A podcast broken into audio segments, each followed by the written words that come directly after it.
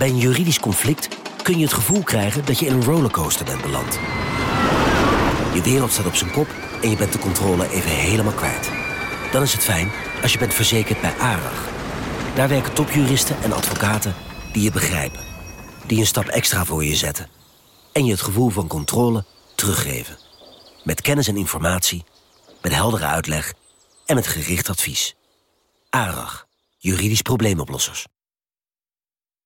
Wie reist met NS, reist net even anders. Wij reizen groen, zonder moeite te doen. Oh, zo kan je dus ook een dagje weg. En wij werken in stilte. In stilte? Nou ja, met oortjes dan. Oh, Zo gaan we iedere dag vooruit. stap je ook in?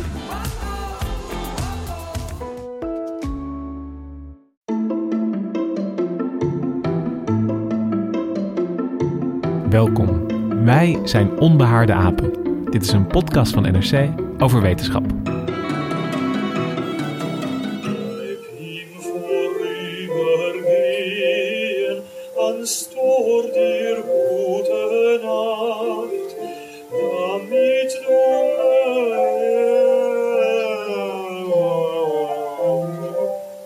Ja, we hoorden hier Ambroise Bayach uh, Lapage. En eh, dat is een operazanger. Hij zingt hier terwijl zijn hersenen worden geopereerd. Er wordt een tumor bij hem weggehaald. En eh, wat er aan hem gevraagd wordt, eh, is om te blijven zingen tijdens de operatie. Zodat de chirurgen weten eh, welk deel ze, nou ja, waar, waar zijn, zijn spraakvermogen zit, waar zijn, zijn vermogen tot zingen zit. Zodat ze dat in ieder geval niet zouden kunnen raken. Deze operatie vond plaats in de UMC Utrecht. Dit ontroert zo, denk ik, omdat het laat zien hoe kwetsbaar de hersenen zijn. Om, om te zien hoe persoonlijk de hersenen zijn, misschien ook wel. Ja, zeker. Dit laat bij uitstek zien hoe alles wat we doen, alles wat we denken, alles wat we voelen, georchestreerd wordt door onze hersenen. En zodra je er iets aan verandert, dan, dan vallen de functies uit of dan veranderen functies. Ja, en eh, dat, ehm, ik, ik denk dat, dat veel mensen dat misschien zal verbazen... dat je, iemand kan opereren terwijl die bij bewustzijn is. Maar dat komt omdat de de hersenen geen gevoel hebben. Eh, ehm, Ja, je voelt Nee, geen de, hersen- pijn. de hersenen voelen geen pijn. De huid eromheen wel natuurlijk, dus die wordt verdoofd. Ja. Maar eh, ja, je kunt als chirurg gewoon in die hersenen snijden zonder dat degene daar iets van voelt. Ja. Maar je merkt natuurlijk wel dat die functies uitvallen. Ik huiver een beetje meer. Ja. Nou ja, het, is- het, het is heel ontroerend en we zullen de link ook zeker in de show notes plaatsen, want het is echt iets, iets moois om naar te kijken. Ja, de hersenen zijn dus ons kwetsbaarste misschien, of in ieder geval ons persoonlijkste on- eh, orgaan. En toch proberen mensen om de, of willen mensen in ieder geval, de hersenen nabouwen. Er zijn Misschien heel wel veel projecten. daarom. Misschien daarom juist wel. Er zijn veel projecten gaande eh, en daar gaan we het vandaag over hebben. Over al die manieren waarop eh, mensen een, een, een brein willen reconstrueren. Of in de computer of als een apparaatje. En daarom zit jij hier aan tafel, Nicky Korteweg. Jij bent wetenschapsjournalist en auteur van Een Beter Brein. Klopt, hallo. Hoi, en dit is jouw, eh, ja, dat is de eerste keer dat, eh, dat je bij Onbehaarde Apen zit. Ja, ja, jij weet alles van het brein en zal ons ook een beetje gidsen deze aflevering langs alles wat er bezig is als het gaat om eh, eh, kunstmatige breinen. En eh Gemma Venhuizen zit ook aan tafel, biologieredacteur. Ja, biologie. En dat vind ik in dit kader ook wel weer boeiend. Want wij zijn als mensen natuurlijk biologie. Of zo zie ik ons, puur natuur. Maar juist daarom is het interessant van... in hoeverre kunnen wij of kunnen onze hersenen ook technologie worden? ja dat, is, dat is het mooie hieraan inderdaad. Dat, dat we die morsige biologie proberen te koppelen aan die Morsige kille, biologie, koude ho, ho. technologie. Maar is het, is het zo dat ehm, als we het gaan... eh, ja, we, we- gaan het een beetje hebben over technologie. Het is een beetje science fiction-achtig zelfs. Het gaat over eh, hoe we misschien met technologie dichter bij het brein kunnen komen... en het, en het, brein een beetje kunnen eh, nadoen of nabootsen of vervangen.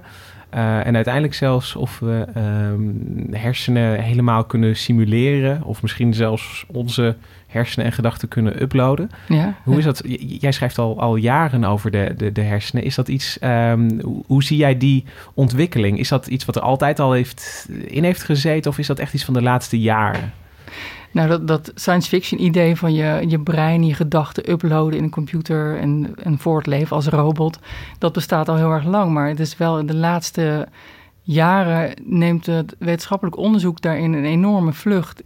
Er blijkt wel al veel meer mogelijk dan, dan we denk ik eh, in de vorige eeuw voor mogelijk hebben gehouden. Dus eh, ja, het begint wel echt nader tot elkaar te komen, merk ik. Is Dus dat- het lijkt ineens toch iets minder een science fiction droom dan, eh, dan in die tijd. Ook omdat de technologie steeds verder toeneemt, denk ik. Want ik weet nog wel dat ik vroeger een keer tegen mijn moeder zei: Mama, ik zou, dat ik zou willen dat ik al mijn gedachten kon uitprinten op een grote stapel papier. En later zou je zeggen: Ik zou willen dat ik al mijn gedachten via een USB-stick aan je kon geven. En nu is het misschien: Ik zou willen dat ik al mijn gedachten in de cloud met je kon delen. Ja, ja, nou dat kan ook eigenlijk in essentie al. Ja. En uiteindelijk zou je misschien willen dat je gewoon je hele zijn, je hele karakter, je hele gedachtegoed, dat je dat allemaal kunt uploaden in een computer en daar voortleven als jij er niet meer bent. Later. dat is de heilige graal. Dat is eh, ja, waar veel mensen op hopen. Niet iedereen. Ja, Ja, misschien is het goed om te zeggen dat we het niet gaan hebben eh, vandaag over de, de, de ethische kanten hiervan. Want, want je kunt je natuurlijk allemaal vragen stellen van... ja, straks eh, eh, ga je een brein uploaden en dan zit er een, een bewust wezen in, in de computer. Dat moet je misschien niet willen. Aan de andere kant roept het ook vragen op over onsterfelijkheid misschien. Allemaal ontzettend interessant. Maar eigenlijk is het idee, we gaan deze aflevering een soort tour maken langs alles wat er, eh, wat er gebeurt, wat er bezig is, wat de plannen zijn en hoe haalbaar dat misschien wel of niet is. Ja. Daar gaan we ook bij stilstaan. Eh, misschien is het goed om even te beginnen bij zo'n eh, vergezicht, zoals jij dat schetst, Nicky. Zo'n zo'n science fiction droom. Ik bedoel, die, sci- die science fiction verhalen zijn ook gemaakt. Bijvoorbeeld een van de recente voorbeelden is Transcendence, waarin Johnny Depp, ehm, in de film speelt hij natuurlijk iemand anders, maar ik weet zijn naam niet, waarin Johnny Depp zijn eh, ja, bewustzijn eigenlijk uploadt uiteindelijk en zo onsterfelijk wordt. Can you hear me? No. I, I can. Oh my god. Dark. You can't see anything. The camera. Here. There. Can you can you see me now? Evelyn. I'm here. Ja, dit is eh, first contact tussen het digitale eh, eh, brein en eh, eh, eh, de nabestaanden van, eh, van iemand. Ja, hier zit duidelijk een, een wens tot onsterfelijkheid achter. Maar waarom zijn serieuze wetenschappers eh, bezig met dit soort projecten? Is dat die droom van ons, onsterfelijkheid of, of eh, stellen eh, de, de neurowetenschappers zich ook bescheidener doelen? Ja, nou, kijk, je hebt verschillende soorten eh, wetenschappers. De transhumanisten, die willen echt heel graag die grenzen van de menselijke natuur overschrijden en, en liefst voortleven in een computer. Maar heel veel andere onderzoekers, die, ja, die doen het eigenlijk meer om te begrijpen hoe een brein werkt, te begrijpen hoe bewustzijn werkt, hersenen die haperen te verbeteren, eh, ziektes op te lossen. Ja, bij haperen denk je dan aan dementie? Of... Ja, bijvoorbeeld als je, als je geheugen niet werkt, eh, dat je dat dan kunt vervangen met, met een klein apparaatje. eh, met een soort plug-in, zeg maar, zodat je wel weer een geheugen hebt. En, en wat levert het, als je zegt van hersenen probeer te begrijpen, wat levert het nabouwen dan nog extra op? Want eh, we leven tegenwoordig in een, in een wereld, je kunt een MRI-scan maken of een, een CT-scan van een, eh, van een brein. Waarom zou je dan nog die extra stap zetten om het na te bouwen of te simuleren? Ja, om het te simuleren. Nou, er is een heel groot project eh, in Europa gestart een aantal jaar geleden, het Human Brain Project. En eh, het doel van dat project is inderdaad om, om alle kennis die we hebben, alles, alle hersenkennis van de hele wereld, eh, te programmeren in een eh, computermodel. Zodat je uiteindelijk een groot model krijgt van het brein, waarin je precies kunt zien hoe dat werkt. En dat je ook kunt zien als je iets verandert, dat er dan, wat er dan gebeurt. The Human Brain Project is a new approach of using supercomputers to understand uh, the brain by modeling it in completely different ways. and um, it is a 10 years endeavor. We have partners from about 24 European countries. At least five supercomputing centers. We are analyzing the anatomy of the human brain. If we really want to understand how the evolution went, we have to create an atlas which has a very large size in terms of bits and bytes. Grote droom, droom van die grondlegger van dat Human Brain Project, Henry Markram. eh, dat, die, dat is ook echt dat er een soort eh, verandering in, in de manier van werken optreedt. Dat dat hersenwetenschappers alles delen. Al hun inzichten en al hun resultaten delen. En dat allemaal samen in één model brengen. Zodat we eindelijk begrijpen hoe dat brein werkt. En, en waar, eh, want een model van het brein, dat klinkt al. Eh, ja, dat, dat klinkt voor mij als een hele grote uitdaging. Dat is Eh, een enorme uitdaging. En, ja. en als we dat even klein proberen te maken, van, van eh, is het dan, ehm, eh, want hersenen zijn, eh, ja, bestaan uiteindelijk uit, uit zenuwcellen. Is het dan op, tot op dat niveau eh, dat die modelbouwers eh, eh, willen gaan? Willen ze gewoon simuleren hoe cellen met elkaar praten in het brein en, Ja. en dan en kijken hoe ze. Ja, eh, eh, dat is wat het Human Brain Project wel is echt precies eh, alle cellen die we kennen inprogrammeren, alle verschillende soorten, al hun uitlopers, al hun contacten met elkaar. Nou, dat zijn echt per cel al duizend. Eh, alle eh, prikkeltjes die heen en weer gaan, alles, alles programmeren over die hersencellen, zodat je een zo betrouwbaar mogelijk model maakt van een brein. En nou ja, dat, die Henry Marcron, waar ik net over had, die, die doet het met een rattenbrein. En eh, nou, hij heeft nu een stukje brein geprogrammeerd van een derde kubieke millimeter. Eh, maar goed, dus een, een derde van een kubieke millimeter, daar zijn we nu. De- en we moeten dus nog dat hele brein, wat een, nou ja, En, en is een derde is. kubieke millimeter, is dat al een, een eh, significant stukje rattenbrein? Of is dat nog, nog echt maar een, een begin van het, van het begin? Heb je daarmee al een, een heb, je, heb je de rat daarmee al, al bijna helemaal samengevat? Nee, daar heb je zeker de rat niet mee samengevat. Dat In dat stukje zijn 31.000 hersencellen heeft hij geprogrammeerd. En dat zijn iets van 200 verschillende types. En, en dan hun 40 miljoen verbindingen met elkaar. Dus Makram heeft 31.000 cellen, zenuwcellen van een rat gesimuleerd. En, en wat moet ik me dan daarbij voorstellen? Kan hij dan een, een, een zenuwcel aanwijzen die moet vuren? En, en kan hij dan zien wat er verder gebeurt in de rest van het brein? Met, met vuren wordt dan bedoeld dat ze, dat ze eigenlijk actief worden, dat ze aangaan... en dat dat signaaltje als een soort lopend vuurtje door het brein gaat. En gebeurt dat dan ook in dat model? Ja, het is echt een simulatie van die eh, 31.000 cellen en al hun miljoenen verbindingen met elkaar. En dan kan je in dat model kan je een zenuwcel aanprikken en dan zien dat bijvoorbeeld eh, een bepaalde groep gaat vuren of dat er eh, calciumstromen loskomen. Ja, dus hij kan echt kijken hoe dat werkt in het, eh, in dat stukje En- rattenbrein. En, en je noemde het net al eh, een, een beetje, eh, volgens mij zei je dat niet voor niets. Je noemde het een, een derde kubieke millimeter. Ja. Dat klinkt als weinig, want... want Dat eh, is heel weinig. Ja, want, want hoeveel cellen heeft een rattenbrein? Ja, 200 miljoen ongeveer. Dus, dat- ja, dus als je dan daar 30.000 cellen van hebt, dat is echt... dat, dat, dat, dat- er zit een factor 10.000 tussen bijna. Ja, ja. Dus ja, er is nog een hele lange weg te gaan. Want het is ook niet zomaar van, oh, we doen dat dan 10.000 keer en dan hebben we het hele rattenbrein. Maar want we hebben het nu over het rattenbrein, maar het heet het Human, eh, Human Brain Project. Ja, precies. Dus- Nou, ditzelfde wil Macram en, zijn, en consorten. Dat zijn echt 84 onderzoeksgroepen die daaraan meewerken. Want een subsidie van 1,2 miljard, dat is ook echt een, een hele smak geld. Ja. Dat wordt over heel veel onderzoekers en onderzoeksgroepen verdeeld, Ja, kan ik me voorstellen. Ja. Brengt ook allerlei haat en nijd met zich mee natuurlijk, jaloezie. Maar dat dat is een ander in- verhaal, ja. zoals dat gaat. Eh, maar inderdaad, ze willen dat van een mensenbrein maken. Dus een mensenbrein in een computer, volledige brein, alles wat we weten, alle cellen die we kennen. En zodat we dan precies kunnen weten wat er gebeurt als je bijvoorbeeld een medicijn toedient, wat voor effect dat dan heeft.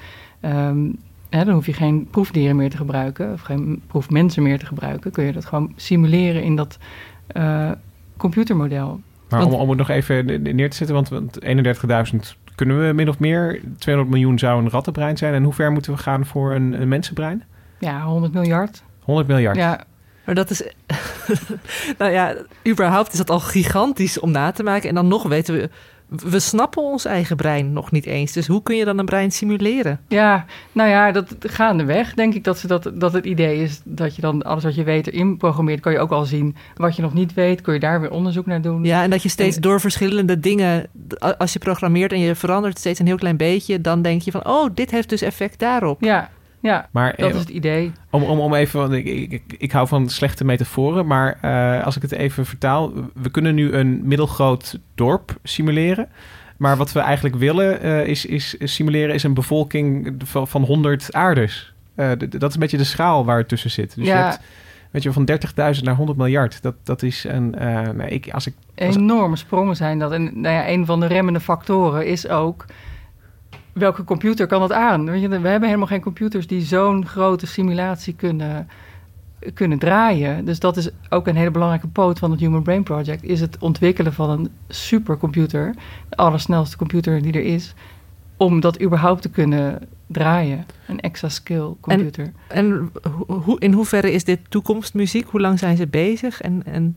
Hebben, ze, hebben ze een tijdspad? Ja, dat Human Brain Project dat heeft tien jaar gekregen. Toen het begon in 2014, toen zei Henry Markram ook... nou, over tien jaar uh, hebben we het. Hm. Dat, uh, Vijf jaar nog nu? Ja. we, zijn al, we zijn al half op weg dan. Ja. Als het nou goed, het is, het is gaandeweg een beetje bijgesteld. En ook niet iedereen.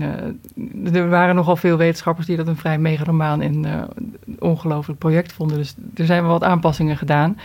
Um, maar die bouw van zo'n computer, dat is ook een belangrijke poot. En dat, ja, dat kun je gewoon uitrekenen wanneer dat klaar is. Dat is in 2020 bestaat die computer. Dus, dus er zijn subdoelen gesteld waarvan je kan zeggen van ja, die, die, die, die ga je sowieso uh, halen. Eigenlijk Ja. de, de, de, want als ik, als ik dat een beetje goed voor me zie, is het dus een, uh, ze hebben echt een, een, uh, een, een heel ver einddoel gesteld, maar op, op weg daar naartoe ook een soort van, van, van mijlpaaltjes, zodat je Ja. in ieder geval een beetje kan, kan aflezen, zo, zo, zo, we zijn Ja. goed op weg. Ja, Ja, en dan- echt zo'n planning. Dan hebben ze dus zometeen een supercomputer die ze niet willen gebruiken om echt zelf te laten denken, maar echt puur om onze gedachten, ons brein na te bootsen. Ja, ons brein. Nog niet eens onze gedachten, gewoon onze, de manier waarop ons brein werkt. Dus het is inderdaad niet zo'n kunstmatige intelligentievorm die dan... Nee, we hoeven niet tegen te gaan schaken en zo. eh, computer, nee. En, en als ik zoiets hoor, dan, dan, ehm, dan vraag ik mezelf toch een beetje af van in hoeverre eh, komt dit idee en deze droom nou uit de wensen van techneuten voor, zeg maar. Want het, het, eh, het, het gaat om het nabouwen van iets. Ik, ik snap dat, dat als je misschien een computerwetenschapper bent en, eh, eh, en je bent heel erg vertrouwd met, en, met de kracht van computers en met, met, met hoe je en je ziet de parallellen met het brein wel, dat je denkt van ja, eigenlijk is ons brein niet anders dan een, een, een grote informatieverwerker. Ja, ja, Maar als, als bioloog eh, dan heb ik dan weer wat meer ontzag voor die 100 miljard cellen die, Ja. die, samenwerken en, en die ook niet van tevoren uitgetekend zijn door niemand, maar die zijn zo gegroeid Ja. door. Eh, Ja, dus jij ziet alle beren op de weg, jij Ja. ziet alle obstakels en in die morsige biologie. ja. Maar, nou, maar is, is, zijn dat ook een soort gesprekken die, die, die er dan in dat eh, Human Brain Project of daar, Nou, daaromheen is- plaatsvinden? Sowieso die tweedeling zie je wel. Ik, ik denk dat, dat die, de enthousiaste mensen die inderdaad denken... oh, we bouwen een computer na... of hè, het hersenen in een computer na... eh, met in- kunstmatige intelligentie of op wat voor manier dan ook. Ik denk dat techneuten eerder geloven dat dat kan. En eh, hersenwetenschappers, die, die ehm, hoor je toch vaak roepen van... nou, dat is echt veel te moeilijk, veel te ingewikkeld... dat gaat echt nooit lukken. nee, maar terwijl juist die techneuten die zijn misschien al blij als zometeen dat stap van die supercomputer al- als die stap bereikt is. Ja, Terwijl hersenwetenschappers willen echt er mensen mee genezen. Dus dat lijkt mij een prettigere toepassing. ja, Ik bedoel, het gaat niet om dat we dit kunstje zo meteen kunnen, maar wat, wat we ermee kunnen. ja, ja. En wat, wat jij noemde net al, dat vond ik wel een interessante beroepsgroep, de transhumanisten. Ja. Waar, waar plaats je die? Zijn dat, het klinkt een beetje filosofisch. Ja, nou ja, dat zijn dan meer de techneuten, denk ik. En ehm, ja, al die dingen waar we het over hebben, dat Human Brain Project, zo'n groot computermodel, eh, supercomputers die je nodig hebt. eh, dat zijn allemaal eh, stapjes in een, in een stappenplan wat is opgezet door twee transhumanisten van de Universiteit van Oxford. Een daarvan is Nick Bostrom. Eh, ze hebben een stappenplan gemaakt op weg naar zo'n eh, brein in een If computer. you think about what would be required to perform uh, a mind upload, it looks like you would need three enabling technologies um, scanning, image interpretation, and, and fast computers. Um, let's look at each of these in turn. So, scanning, what that means is that you would have to take a brain, um, fixate it, and then slice it up into very thin slices. Uh, then you would feed each of these slices through some array of microscopes, um, resulting in, in a stack of two dimensional pictures of the brain. And then in stage two, you would need uh, image recognition software that could piece together from this stack of two dimensional pictures the three dimensional connectivity matrix that was in the original brain. And combining that with neurocomputational models of how each basic type of neuron works, what kind of computation it performs. Um, and then finally, when you have this whole computational structure, you would need a fast enough computer to be able to run it all. Ergens in de verre toekomst. En ehm, zo'n computersimulatie is een stapje daarin. Een supercomputer is een stapje daarin.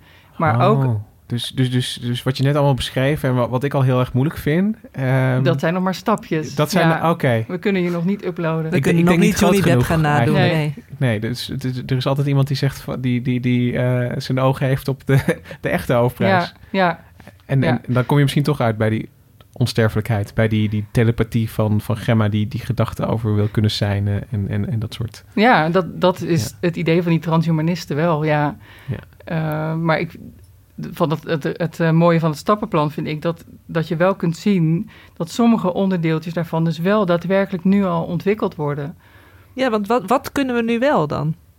Nou ja, een van de dingen die ik heel interessant vind is de, ehm, het ontwikkelen van een geheugenprothese. Dus dat een klein apparaatje, een klein computertje, wat je uiteindelijk in je brein kunt pluggen en wat dan een, eh, een geheugen vervangt. Bijvoorbeeld bij iemand met Alzheimer of iemand die een hersenbloeding heeft gehad, waardoor zijn geheugen niet meer goed werkt. Daar wordt nu aan gewerkt. Ja, dus we gaan het nu eigenlijk even eh, terug van, van het, de, de hele grote roadmaps en eh, eh, projectplannen. En, en nu gaan we het even heel klein en concreet maken. Wat naar, is er nu? Ja. Naar iets wat er, wat er mogelijk is. Ja, en dan dus- zeg jij eigenlijk van wat we nu al kunnen, is een geheugen nabouwen. En dan denk ik toch van, wauw. Ja, Dat, dat, nou dat- ja, ja, de eerste stap naar het bouwen van zo'n apparaatje is eh, gezet. Oké, maar als ik aan het menselijk geheugen denk, dan denk ik, we, hebben- we hebben afleveringen over het eh, geheugen gemaakt en, en over hoe dat werkt en hoe dat niet werkt. En dat, het, het, het, het blijft een beetje ehm, onvoorstelbaar voor mij en, en heel Weet ik persoonlijk. niks meer van, van die geheugenaflevering. nee, dat zie je maar. Dus ik, ik, ik kan me wel voorstellen hoe zo'n apparaatje ehm, eh, nuttig zou zijn. Ehm, maar ik, ik denk ook van, van is dat al niet ontzettend ambitieus? Ik, ik, sorry, eh, misschien val ik in herhaling als ik steeds blijf zeggen van... is dat niet heel erg moeilijk, is dat niet heel erg moeilijk? Maar Nee, dat zijn hele goede vragen. Je blijft een bioloog, hè, Lucas? Ja, dat, maar die vragen worden ook heel erg gesteld. Eh, en in dit geval ook, de- dit geheugenprotheseonderzoek, dat, dat loopt eigenlijk al een paar decennia. En eh, ja, in de, in de vorige eeuw werden die onderzoekers inderdaad eh, nou, een beetje eh, aangekeken van... nou ja, leuk, eh, grappig project, maar ze geloofden er niks van. Maar je merkt wel dat nu, anno 2019... dat de technologie wel zo ver gevorderd is... dat het daadwerkelijk begint erop te lijken dat het daadwerkelijk gaat werken. nou, laten we Eh. even luisteren naar een van die, eh, die onderzoekers... die dat, die, die geheugenprothese mogelijk probeert te maken. Loss of memory is probably the most tragic uh, occurrence that can accompany disease or injury. Memory is at the heart of who a person actually is. Their personality is entwined with their memories. Their interaction with all other people is entwined with their memories. Without our memories, we lose our sense of self. We were looking to see if it was possible to use a patient's own code for memory to strengthen that and feed it back in so that we could essentially restore the ability to encode and retrieve memory. Ja, we hoorden hier Robert Hampson van het eh, Wake Forest Baptist Medical Center. En hij is zo iemand eh, eh, die hij beschreef die de afgelopen jaren een, een beetje vreemd werd aangekeken, maar die inmiddels wel ehm, dingen kan laten zien die, die hij heeft gemaakt of die in zijn lab zijn gebeurd. Ja, klopt. Hij en eh, zijn, eh, de programmeur van dit alles, Theodore Burger, die is eigenlijk al heel lang bezig. Zij zijn echt bezig met het maken van een, een hippocampusprothese, een geheugenprothese. Want, want de hippocampus is dan het stukje van het brein waar het geheugen zit. Ja, dat, nou, dat is de speel van het geheugen. Het geheugen, dat zit eigenlijk door je hele brein heen, maar die hippocampus speelt daar wel echt een cruciale rol in. Dus, eh, heel maar zit die ook alweer in je hoofd? Ja, die zit als je eh, je vingers boven je oren zet, dan, dan wijst die er eigenlijk naartoe. Je hebt twee hippocampussen. Oké, ik wijs nu even mijn eigen, in elke wijs nu even mijn eigen hippocampus Ja, dus aan. net boven je oor aanzet en daar, eh, daar zitten ze achter je vinger. En, en als ik de, eh, veel van die hersengebieden zijn, geloof ik vernoemd naar hoe ze er een beetje uitzien. En dus deze zien eruit als een... Een zeepaard. Een zeepaard, Ja. ja. ja. Oh, dus het zeepaard is niet de wetenschappelijke naam. Ja, Ja, hippocampus is zeker. Ja, dus het is niet andersom. Ja, ja, ja, goed. Hoe, hoe dacht jij dat het zat? ik, weet, ik ken, ik ken de eerste... al een, eh, een ik ken de- nee, maar, nee, ik- ja, nou ja, ik, ik, ik, ik dacht gewoon altijd, haha, wat grappig dat het zeepaardje net heet als de hippocampus in ons brein. Maar ik had er verder nooit... Ik dacht gewoon dat hippocampus, weet ik veel, paardenterrein betekende. En dat ze toevallig los van elkaar... Nou ja. Nou ja, nee, ik- er zit echt een hele mooie krul in Ja. de hippocampus. Het net zeepaardje zoals in in ons brein van een zeepaardje. Ik ja. heb, ik Kijk, toch dit- de biologen komen hier weer aan het woord, hè? Ik heb pas deze week geleerd dat Neptunus een maan heet en die heet Hippocamp. Dat wist ik niet, maar die, ik, volgens mij niet omdat hij eruit ziet als een hippocampus, maar gewoon omdat het een, toch Een paardenarena. Ja, een Grieks mythologisch-achtige eh, connectie heeft. Maar goed, de, de, de hippocampus in het brein. Het zou zijn als, als Neptunus een brein blijkt te hebben, maar goed. ja. De hippocampus in, het- in het brein is, speelt wel een, eh, eh, want, je- want je corrigeerde me net een beetje geloof ik, van het is, het is niet ons hele geheugen, maar het, het, het speelt daar wel een grote rol Het in. speelt een hele grote rol in. Dus alles wat we meemaken door de dag heen, alles wat in ons, bewuste, eh, ons bewustzijn zit, dat komt binnen, gaat door de hippocampus heen, die signalen. En vanuit die hippocampus wordt dan opgeslagen, verdeeld over het brein. Het is ook nog niet helemaal duidelijk hoe dat nou precies zit. Eh, maar die hippocampus is wel heel belangrijk bij het opslaan en ook bij het ophalen weer van je herinneringen. Dus als je hem weghaalt, dan heb je echt een probleem. Dan kun je gewoon niet meer onthouden. En als je nou jezelf ten doel stelt van ik ga een hippocampus nabouwen, begin je dan eh, gewoon met de celstructuur van de hippocampus en ga je dat ook op, op, op, een soort elektronisch circuit gewoon één op één nabouwen. Hè? Dat je dan uit- uiteindelijk in chips eigenlijk precies ziet wat je ook onder de microscoop ziet? Of stel Nee, ik me dan ook te simpel voor? Dat ze een Nee. zeepaardjesvorm aannemen, die chips. Ja. Nee, ze doen het eigenlijk nog veel simpeler. Eh, die hippocampus die, die bestaat eigenlijk uit een paar tussenstations. Dus de informatie komt binnen. Dan heb je station 1, dat heet CA3. Eh, daar wordt de informatie die binnenkomt weer versleuteld. Dan gaat het naar station 2, dat heet CA1. En daar wordt die informatie weer versleuteld. En dan wordt het opgeslagen in je geheugen, even simpel gezegd. En eh, wat deze mannen eigenlijk doen, die Hampson en eh, Burger, die prikken elektrodes in het beginstation en in het eindstation. En ehm, dan meten ze hoe die signalen gaan op het moment dat ratten in dit geval iets leren. Ze leren ratten een bepaalde volgorde hendels indrukken. Eh, en als ze die bepaalde volgorde goed doen, dan krijgen ze water. Als ze het niet goed doen, krijgen ze geen water. Eh, ze meten dus die signalen in het rattenbrein. De signalen die binnenkomen en de signalen die naar buiten gaan. Eh, als ze op de juiste hendels drukken en water krijgen, dan is het signaal anders aan de uitgang dan als ze op de verkeerde hendels drukken en geen water krijgen. Dus je krijgt eigenlijk twee soorten signalen. De ene signalen die zijn goed en de andere signalen zijn slecht. Dus dat zijn twee verschillende herinneringen. Eén, één zou, of, nou ja, dat, Ja, ik een zie- soort herinneringen. Ik zie al een beetje, maar het is, het is misschien de associatie of het gevoel. Eén is een soort gelukkig gevoel van ik heb de goede hendel ingedrukt. En de andere is een soort associatie van hier is het verkeerd gegaan. Dus het positieve leerproces, eigenlijk die positieve feedback, dat, dat je daadwerkelijk water krijgt, die golven. Die beloning. Nee, het gaat echt om de, wat zij meten zijn de elektrische pulsjes die binnenkomen eh, in dat eerste station. En eh, die elektrische pulsjes die zijn allemaal hetzelfde. Die, die vertellen ook helemaal niks over de herinnering. Maar de ene keer komen ze als een treintje van zes, de andere keer komen ze drie keer langzamer. Dat zijn eigenlijk een soort morsecodes die ze eh, opvangen aan die kant. En dan leren ze een computer welke, hoe die morsecodes worden omgezet om tot het juiste resultaat te komen. Dus je leert de omzetting van de ene Ja, dus morse code in de andere. Ja, je maakt een computer die begrijpt als morsecode zus en zo binnenkomt, dan moet ik het omzetten naar morsecode dit en dat. En dan drukt hij op de goede hendel. En het is dus niet zo dat je, ehm, want, want die, als ik dan even terug ga naar die Macram die 31.000 hersencellen simuleert. Nou, die, die, die simuleert echt el- elke verbinding tussen elke cel. Dat is hier dus niet gedaan. Dit is echt meer kijken naar wat erin komt en wat eruit gaat. Ja, puur Ja. de elektrische pulsjes meten met een elektrode. Maar die Hampson, die zei in het fragment dat hij het op basis van die eigen hersenactiviteit van mensen wil gaan doen. Ja, dus, dus dat het is ook wat hij bij rat heeft gedaan. Dus je, je prikt zeg maar aan, bij de ingang en uitgang een paar elektroden in de, in de Mhm. rattenhippocampus.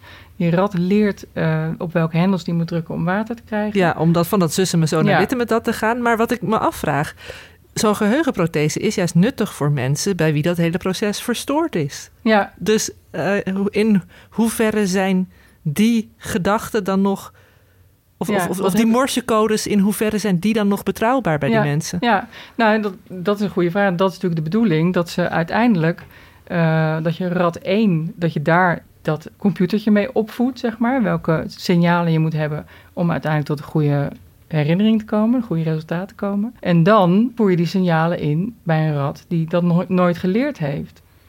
En als Hmm. die rad dan met de herinnering van die eerste rad ook op de goede knoppen drukt, dan heb je die herinnering getransplanteerd. Wacht even, dus je hebt dus een rat die nog nooit, die niet door dat leerproces is Ja. gegaan.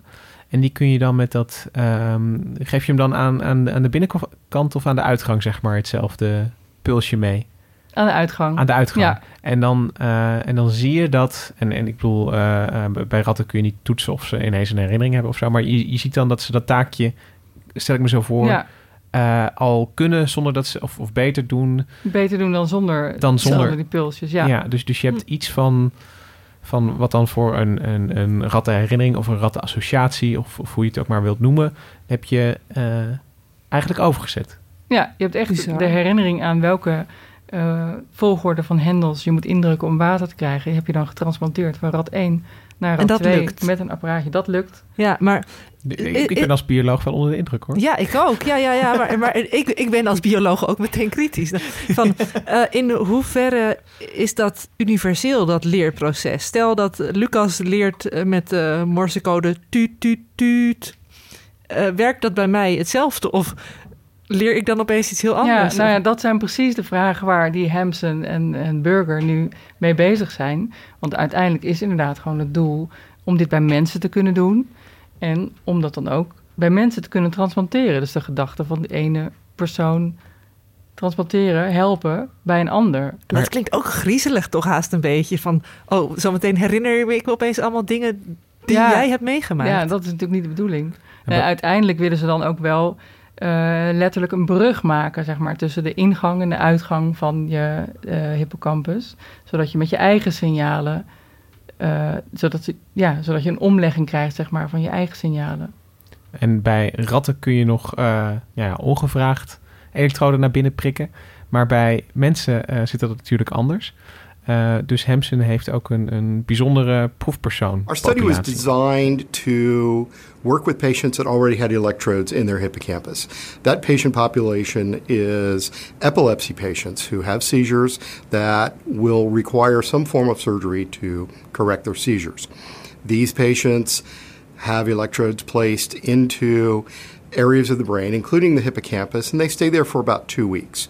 While the patients are in the hospital, when they're not doing the studies necessary for their medical care, we can go in and we can test. We have the patient play a computer game that involves memory, and we record the activity of the brain cells, the neurons in hippocampus.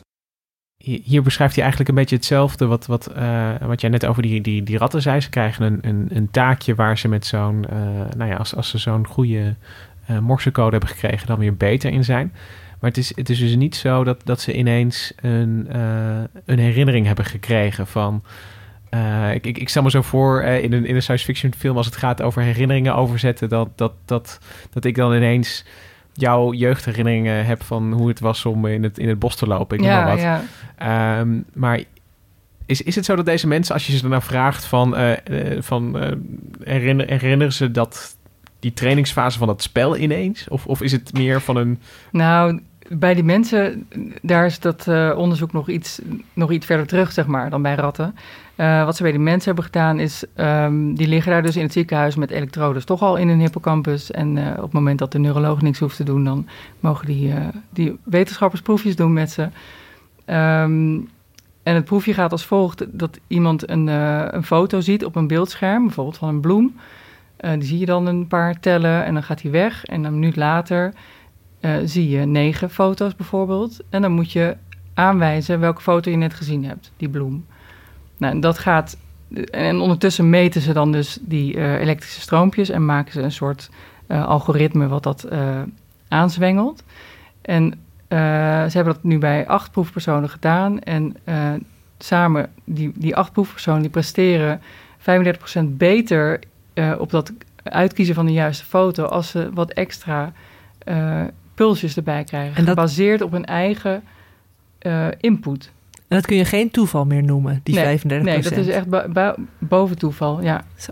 En dan, dan heb je dus eigenlijk een soort uh, nou ja, hippocampus stimulatie, moet je het een beetje zien. Het ja, is een, een soort, beetje doping. Ja, een soort amplifier eigenlijk, een soort uh, verster versterker van het signaal. Ja, geheugen. Ja. ja. Maar dat vind ik wel interessant, want hè, bij het woord prothese, dan ga ik meteen bijvoorbeeld denken aan een kunstbeen.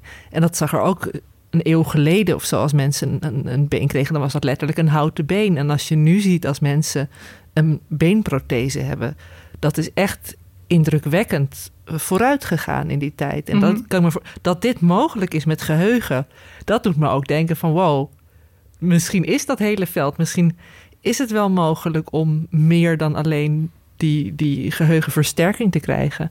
Maar is het, is het even om een, een, uh, misschien een beetje koud water op te gieten, is, is de hippocampus zo'n fijn um, onderdeel van de hersenen om na te doen, omdat het zo'n duidelijke in- en uitgang heeft?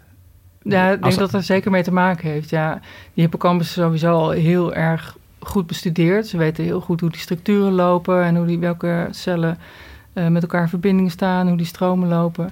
Nog niet helemaal dus hoe dat dan precies gaat met het geheugen, maar er is wel heel veel over bekend.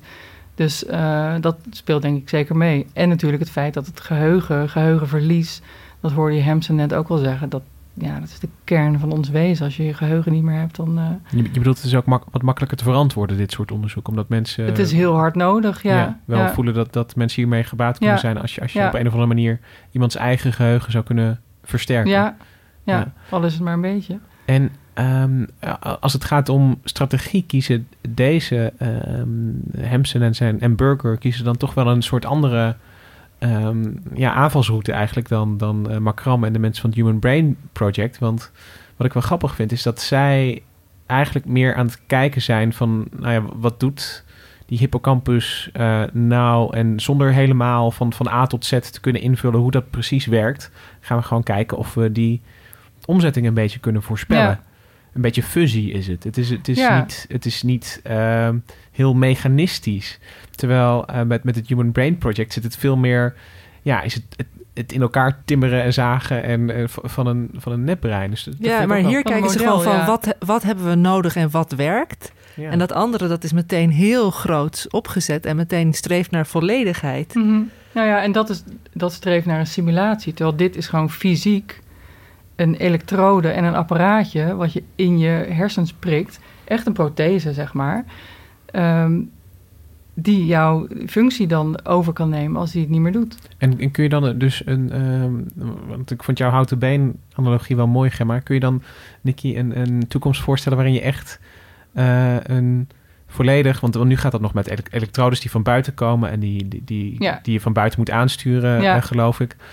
Maar Ja, op dit moment zitten die patiënten die zitten in een bed... met, met allemaal snoeren uit hun schedel... Ja. en een groot wit verband eromheen. En die snoeren zijn verbonden aan computers. En dat is dan... vrij akelig gezicht Ja, eigenlijk. daar als je kun je niet mee eh, door het leven heen. Nee. Nee, en, het is ook nog heel ver eh, verwijderd van, eh, denk ik, van wat een transhumanist zou Ja. willen. Maar hè, een, echt een kunstmatig hippocampusje dat je op die plek zou kunnen zetten en hè, de goede ehm, eh, de in- en uitgang op elkaar aansluit, zoals je dat ook met je Mhm. stereo-installatie doet. Ja.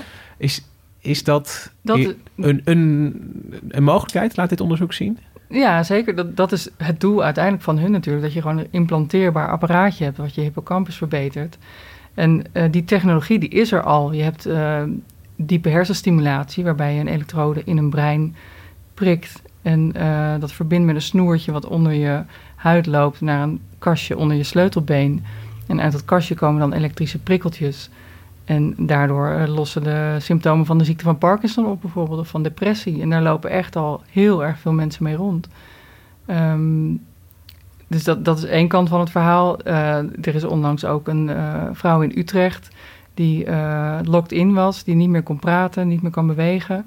Die is uitgerust ook met een elektrode die haar hersensignalen afluistert aan zo'n implanteerbaar apparaatje. En daarmee kan zij een, eh, een tablet besturen. Mevrouw De Bruin is verlamd, maar kan nu met haar gedachten een spraakcomputer bedienen. Nou, spannend programma vandaag. Grote stap, we gaan natuurlijk spellen. Een van de ja, meest akelige aandoeningen is als je echt niet meer kan communiceren. Een probleem waar mevrouw De Bruyne elke dag mee te maken heeft. Ze is verlamd door ALS en heeft LIS. Uh, LIS is het locked-in-syndroom waarbij alle verbindingen tussen de hersenen en de spieren verbroken zijn. Dan ben je in feite opgesloten in je eigen lichaam. Artsen van het UMC Utrecht Hersencentrum plaatsen elektroden op de hersenen. Deze vangen de hersenactiviteit op en zetten die om in een muisklik. Dat het hele systeem draadloos is en dat patiënten het zelfs thuis kunnen gebruiken, is uniek. Mevrouw De Bruyne gaat er zelfs mee op vakantie. Niet lang na de operatie spelt ze in het bijzijn van het onderzoeksteam haar allereerste zin. Ja, we horen hier niet wat die eerste zin was, maar als je het uh, filmpje kijkt, dan, uh, dan zie je het wel. En uh, de eerste zin die er dan op het scherm verschijnt is: proberen is laveren. Dat is wel mooi poë poëtisch. Ja, het zijn mooie eerste woorden met zo'n zo'n elektrode. Maar ik bedoel, dit, dit is, um, dit, dit, is dus een beetje wat je net beschreef. Ik bedoel, het is geïmplanteerd, ja. een, een elektrode. Dus, Draadloos. Is, dus je zit niet meer vast aan een, aan een computer. En um, ja, in, in hoeverre moet je dit nou gedachten lezen noemen? Want, want als, als, ik het, als, als ik het zo zie, het, het is nog heel, wel heel erg... Je ziet iemand wel bezig met een soort, uh, toch met een soort besturingssysteem, laat ik het zo zeggen. Mm, van, ja. van, je, je hebt een beetje het gevoel, iemand is wel, um, moet er nog veel moeite voor doen. Het is niet zo als, dat, dat die chip erin zit en, en dat hij echt precies weet en voelt wat, wat iemand denkt. Nee, nee, nog lang niet. Nee. Nee. nee, wat dit systeem doet is gewoon... Um, als die mevrouw aan een handbeweging denkt, dus een handbeweging alsof je je vingers en je duim tegen elkaar doet, dat is zeg maar uh, het signaal wat zij opvangen en wat zij dan interpreteren als een muisklik. Dus als zij daaraan denkt, aan die handbeweging, dan betekent het klik voor de computer. Dus je, uh, moet, je moet eigenlijk heel, uh, want een, een, iemand moet dus, er gaat een, een trainingsfase aan, aan vooraf. Misschien er gaat een hele zo... lange trainingsfase aan vooraf, ja. Dus, ja. dus je moet een, een iemand, de, de, de, de, de computer moet aan uh, het specifieke zenuwpatronen van een persoon uh, wennen ja. en andersom. Maar dat vind ik ook wel weer een soort menselijk klinken. Dat vind ik ook wel logisch klinken. Als wij elkaar leren kennen, moeten we ook aan elkaars communicatiepatronen wennen. Ja. Dan moet ik ook weten wat het betekent als, als je opeens stil bent of boos kijkt. Ja. Uh, en dat het ook per dag verschilt. En dat is ook bij hersencellen zo. De ene dag is de andere niet. Dus dat signaal, dat wisselt ook. Dat is een groot uh, maar, maar simpeler, probleem bij dat soort dingen. Simpeler nog is het, is het als je een nieuw uh, gereedschap of een nieuw computerprogramma of een, of een hele nieuwe techniek leert. Weet je, ik, ik ben een beetje bezig met, met schilderen. En als je dan gaat airbrushen voor het eerst, dan de, de eerste keer heb je nog helemaal niet de weet je nog niet hoe hard je dat ding moet, moet indrukken. Want dan spuit je veel te veel verf en dan weer veel te weinig. En, en met, met de tijd komt daar een soort uh, ja, heel intuïtief gevoel van... oké, okay, weet je wel, van, ja, van ja. Zo, en dan denk maar je dat is één richting. richtings. Terwijl ik het idee heb dat met zo'n uh, zo'n implantaat... is het ook een beetje... het implantaat moet aan jou wennen... En jij moet het aan het implantaat wennen. Ja, dat, dat is misschien zo. Maar toch, het, ja. het is niet helemaal één richting. Want, want als, als mens probeer je natuurlijk altijd... Zo, ook als je in een nieuwe auto stapt bijvoorbeeld... je, je probeert... Uh, weer op te vangen wat de auto jou vertelt. Snap je ook bedoel? Ja, Van als de motor een beetje... En jij ja. voelt ook wat je verf wil en welke... Nou ja, uiteindelijk wel is het... Uh, weet je, als je iets begint te leren... is het altijd een soort... Uh, gaat gepaard met een soort klunzigheid. En, en met een heel, weet je wel, een heel bewust proces van... wat ben ik aan het doen en waar zit uh, mijn hand... En, en hoe houd ik het stuur vast. En, en op een gegeven moment is het... Ja, een soort symbiose. Ja. Ik kan me voorstellen dat dat... Dat zie je hier ook heel erg bij de, Ja. deze technologie. En dat is, nou ja, in het geval uh, van die hippocampusprothese... is het echt nog het allereerste begin. Hebben ze nu eindelijk ja, kunnen laten zien dat het principe kan werken. Dat je dus hersencellen kunt afluisteren en uh, vertalen op een manier... en dan weer terugleiden in uh, het brein... Om, te, om ervoor te zorgen dat er iets herinnerd wordt. Maar dit, dit is toch onderzoek dat ook langzaam gaat? Want, want als je met, um, wat je net vertelde, als je van, van patiënten afhankelijk bent die, uh, die toch al aangesloten zijn. En uh, ja, ik, ik, ik, ik, zie niet zo goed voor me hoe je dit, uh, um, hoe je snel dit kan doorontwikkelen of zo. Dat, dat je, je, je, je bent afhankelijk van, van operaties die, die, die toch al plaatsvinden. Ja, dus het is qua onderzoek opzet is het best wel ingewikkeld. Ja, is het ook. Ja. Ja, dat, dat, dat neemt jaren in beslag voordat je dan uh, eindelijk genoeg resultaten hebt waar je mee naar buiten kunt komen. Ja, dus, dus ik bedoel, we hoeven nog echt niet. Uh, ik bedoel, de studenten van, van nu die, die, die gaan geen uh, tentamens beter maken met hulp van een geheugenprothese. Dat lijkt me niet. Die, die Robert Hampson die zei me wel toen ik hem interviewde dat, die, dat hij verwachtte dat hij over vijf jaar een, een eerste prototype heeft van zo'n implanteerbaar apparaat. Maar.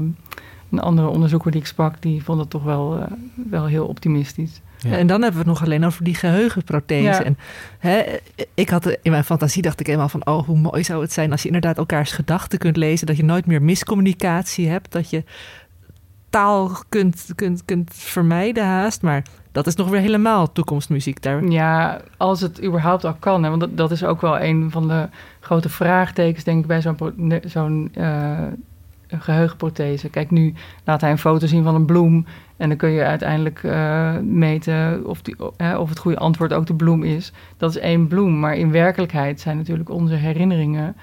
Ja, dat is één stroom van, van input, van mensen, van uh, gedachten, van indrukken. Ja, hoe je dat allemaal moet vertalen als simpel algoritmetje. Dat, ik denk dat dat nog wel een tijdje duurt.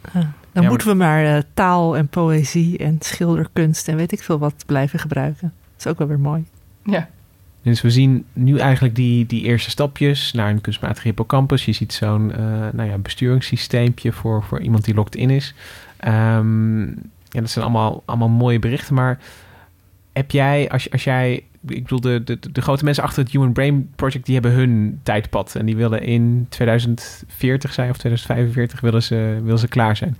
Maar wat zijn voor jou als, uh, ja, als breinjournalist, wat, zijn, wat, wat is voor jou een tijdpad dat jij uh, voor je ziet en, en, en dat je denkt van dit moet je echt in de gaten houden. En nou ja, over 10, 15, 20 jaar hoop ik dat we hier zijn. En dan zijn we al heel ver. Ja, voor mezelf, ik hoop natuurlijk wel dat ze zo'n geheugenprothese klaar hebben op de dag dat ik hem nodig heb. Uh, ja, dat ja, 20 jaar, 25 jaar, als ik uh, ja, geluk heb. Ja, want dit, die, die, die geheugenprothese is misschien wel goed om te maken. Dat, dat is iets wat echt wel indruk heeft gemaakt op jou, als ik jou zo uh, hoor. Van, of... Nou, het, kijk, het is, het is gewoon een ze laten zien dat het principe werkt. Dus ze zijn er nog lang niet. En ik denk ook dat het echt heel erg moeilijk gaat worden om echt de herinnering van iemand zo te kunnen vertalen dat je hem zelf nog begrijpt. Omdat die her herinneringen zo complex zijn. In familieleden, uh, dingen die vroeger gebeurd zijn. Wat jij zei, de wandeling in het park. Ik weet niet of dat gaat lukken, maar dat zou natuurlijk wel heel fijn zijn als je dat niet kwijtraakt. Ja, we hebben allemaal om ons heen voorbeelden van mensen die hun geheugen kwijtraken. Dat is gewoon echt geen uh, prettig vooruitzicht. Dus daar zou ik wel heel, heel. Ik hoop wel dat het dan klaar is op, op de dag dat ik het nodig heb. Ja. Nou ja, het is, het is ergens. Um, nou ja, als we het aan het begin hadden over dat, dat, dat onvoorstelbaar grote brein. Uh, en en uh, ja, hoe moeilijk het is om daar een beetje dichtbij te komen. En hoe, nou ja, hoe persoonlijk het inderdaad is. Is, is, is dit, toch nou ja, hoopgevend fijn nieuws, denk ik. Tenminste, ik, ik heb vaak en dat heb jij misschien ook, uh, Gemma, van uh, als het gaat om, om hersennieuwtjes van, uh, nou ja, is, is het wel echt zo, zo bijzonder? Um, ja, maar er, er zijn nu toch wel stappen gemaakt. Dat, dat, dat houten been is er in ieder geval voor de hersenen. Ja, of een begin van een houten been. Ja, het, het concept van een houten been dat kan werken. Ja. ja. Het concept van een houten ja. been. Ja, voor, voorlopig ga ik als geheugenprothese gewoon nog mijn papieren agenda en mijn dagboek gebruiken. Ja, dat werkt ook al best telefoon, wel. Ook een uh, hele fijne extensie. Proven technology, zeggen ze dan. Wat ook proven technology uh, is, is uh, de podcast feed. Want elke week weer Producer Micha schiet ontzettend te lachen over deze kunstmatige brug. Maar uh, ik wilde hem toch niet laten liggen. Uh, podcast. Proven Technology. Uh, dus abonneer je vooral op deze podcast. En dan krijg je volgende week weer een, een berichtje als de volgende klaar staat. laat ook een recensie achter. laat het weten aan je vrienden en familie dat er een leuke podcast is. Nicky Korteweg, heel erg bedankt voor je, uh, voor je bijdrage. Ik hoop dat je nog een keertje wil aanschuiven om over uh, hersenen te praten. Heel graag. Uh, Gemma ook bedankt. Misha bedankt. Wij zijn er volgende en week jij weer. ook, Lucas. Nou, dankjewel. tot dan. De